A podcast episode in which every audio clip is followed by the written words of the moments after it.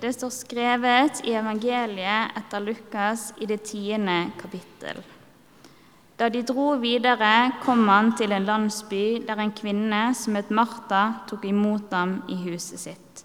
Hun hadde en søster som het Maria, og Maria satte seg ned ved Herrens føtter og lyttet til hans ord. Men Martha var travelt opptatt med alt som skulle stelles i stand. Hun kom bort til dem og sa, Herre, bryr du deg ikke om at min søster lar meg gjøre alt arbeidet alene? Si til henne at hun skal hjelpe meg.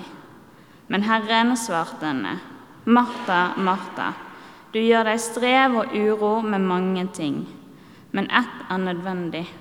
Maria har valgt den gode del, og den skal ikke tas fra henne. Slik lyder det hellige evangelium.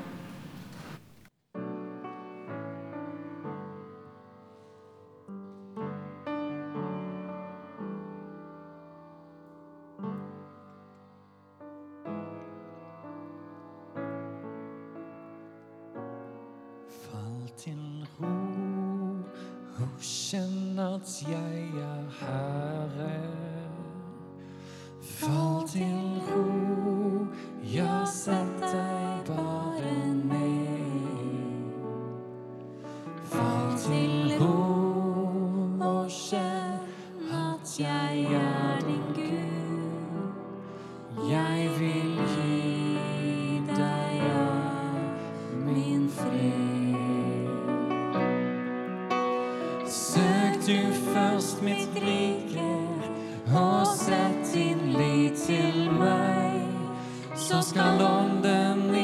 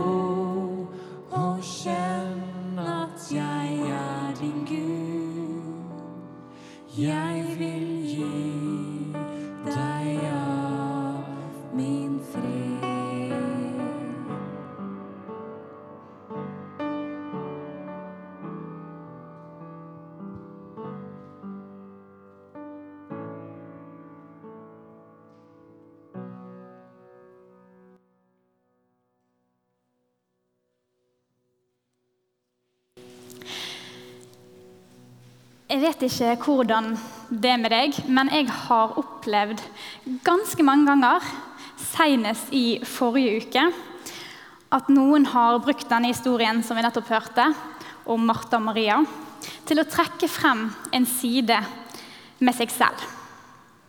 Si noe om hvem jeg er, som liksom står i motsetning til hvem noen andre er. Og nå hører jeg at jeg avslører jo min ganske sånn homogene omgangskrets, for det kan godt være at du aldri har hørt noen referere til seg selv som eh, Martha eller Maria. Men jeg tør i hvert fall påstå at i en del kristne sammenhenger så har disse to søstrene, dog ofte litt karikert, på en måte blitt slags identitetsmarkører på hvem man er i et fellesskap. Hvilken rolle man tar, eller hvilken type kristen man er. Og som med så mye annet i dette livet, så oppdaget jeg når jeg samtalte med noen andre om denne teksten, at vi slett ikke ser på de to kvinnene og deres handlinger på samme måte. Der jeg var sikker på at vi siktet til det samme hva gjaldt Martha og Maria, så snakket vi faktisk forbi hverandre. Noen de ser på Maria som en slags idealkristen, som vi aldri helt kan leve opp til. Mens det går også an å betrakte henne som litt egoistisk. Da hun setter sine egne behov for å være med Jesus før noe annet. Martha derimot kan lett oppfattes som den lidende tjener som alltid setter andres behov foran seg selv og aldri får sitt øyeblikk.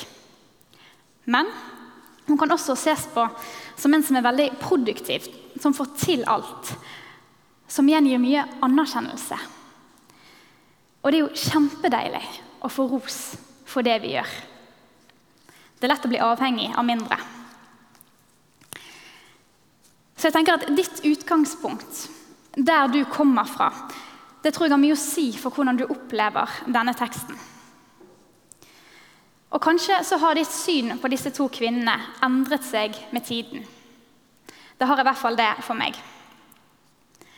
Jeg kan innrømme at jeg har tenkt at Martha ikke fortjener den irettesettelsen som Jesus kommer med.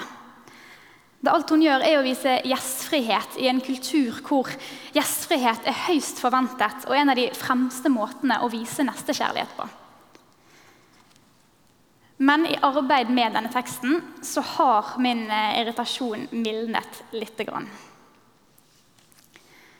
Til nå så jeg si noe om hvordan denne korte teksten, med egentlig en ganske begrenset skildring av to mennesker sitt møte med Jesus, i likhet med så mange andre tekster i Bibelen, får frem våre sammensatte og ofte motstridende behov og følelser. Så ønsker jeg å gå litt mer inn i hva jeg tror denne teksten vil gi oss, sånn helt konkret. Det Jesus mener når han sier at Maria har valgt den gode del. Og hvilken frihet som egentlig ligger i dette utsagnet.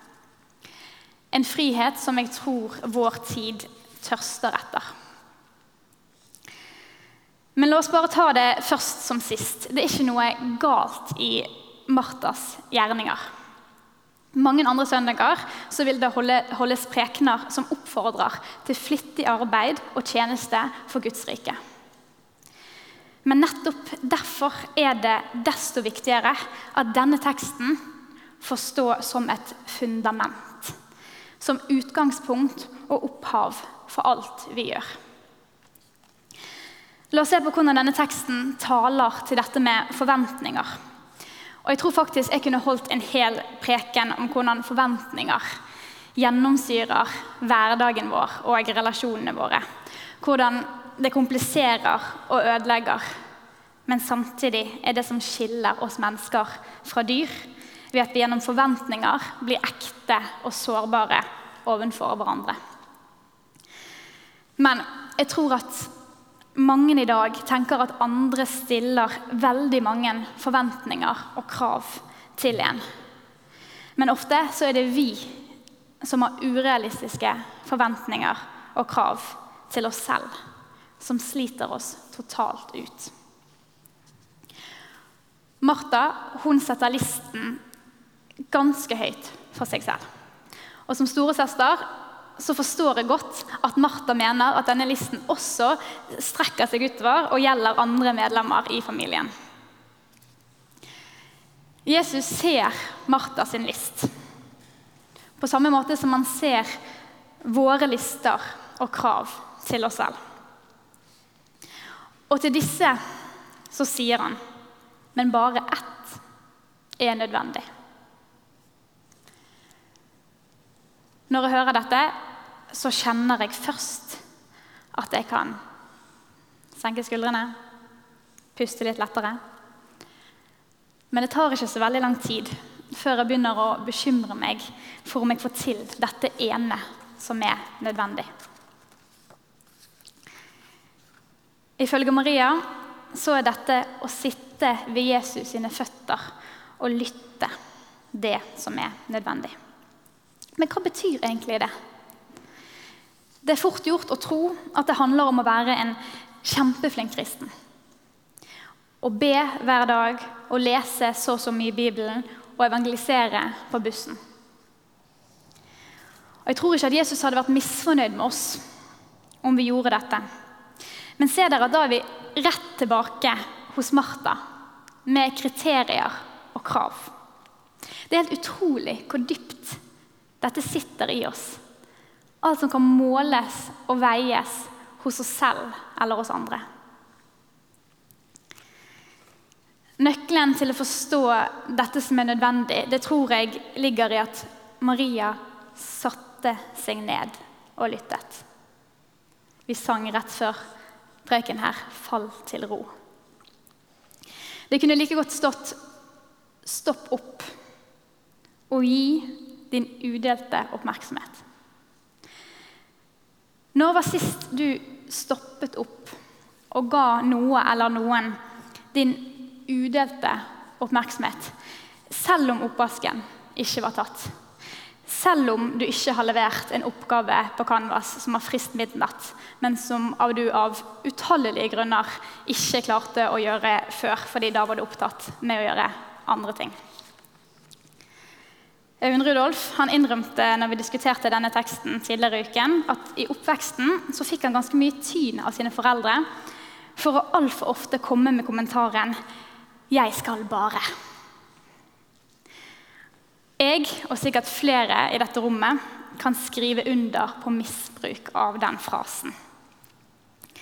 Alle de gangene jeg har skulle sitte ned og jobbet med denne preken, for eksempel, så har jeg funnet noe annet som bare haster litt mer, og som jeg skulle hatt gjort først. Jesus sitt eneste virkelige krav til oss er tilsynelatende enkelt. Så hvorfor sliter vi sånn med det? Kanskje det er fordi at vi ikke kan tikke av et punkt i to do-listen vår når vi har gjort det, og dermed ikke mottar belønning fra et dopaminsystem i kroppen. Men kan det også være at vi er redd for å slippe, slippe litt den kontrollen? Redd for hva som vil skje dersom vi gir Gud anledning til å møte oss i stillheten som oppstår når alle distraksjoner og skjold er vekke. Martha hun gjør det nest beste, nemlig å tjene Jesus. Men Maria lar Jesus tjene seg først idet hun setter seg ned og lar seg bli møtt av Han som ser alle våre kompliserte liv og tilbyr hvile fra det som er tungt å bære. Og det er her jeg tror hele poenget i teksten ligger. Jesus kommer inn i Martha sitt hus, men han kommer inn i Maria sitt hjerte. Og det er fra hjertet livet utgår. Dermed er dette også en tekst om hvordan vi søker Gud. Og Det er noe som skjer på utrolig mange måter, og jeg tror Gud responderer på hvert uttrykk. Her i St. Jakob så har vi en visjon hvor det ene punktet er nettopp 'vi søker Gud'. Og Tanken er at det kommer til uttrykk gjennom alle de ulike aktivitetene som skjer her. Og Mange av de er høyst Martha-preget. Det er mye matlaging som foregår inn på det kjøkkenet.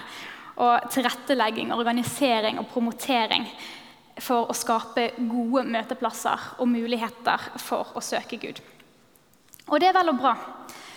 Men vi risikerer å miste det viktigste av syne hvis vi ikke først og fremst er drevet av Marias lyttende, åpne hjerte og tilstedeværelse, som lar Gud søke oss først. Klarer vi det som enkeltpersoner og som menighet, så tror jeg vi vil være mindre slitne, mindre urolige, bekymret, anklagende eller opptatt av hva andre synes om oss. Og Derfor så blir handlingene våre mer genuine. Fordi de har sitt opphav i kjærlighet og ikke i krav. Ære være Faderen og Sønnen og Den hellige ånd, som var, er og være skal, en sann Gud, fra evighet til evighet. Amen.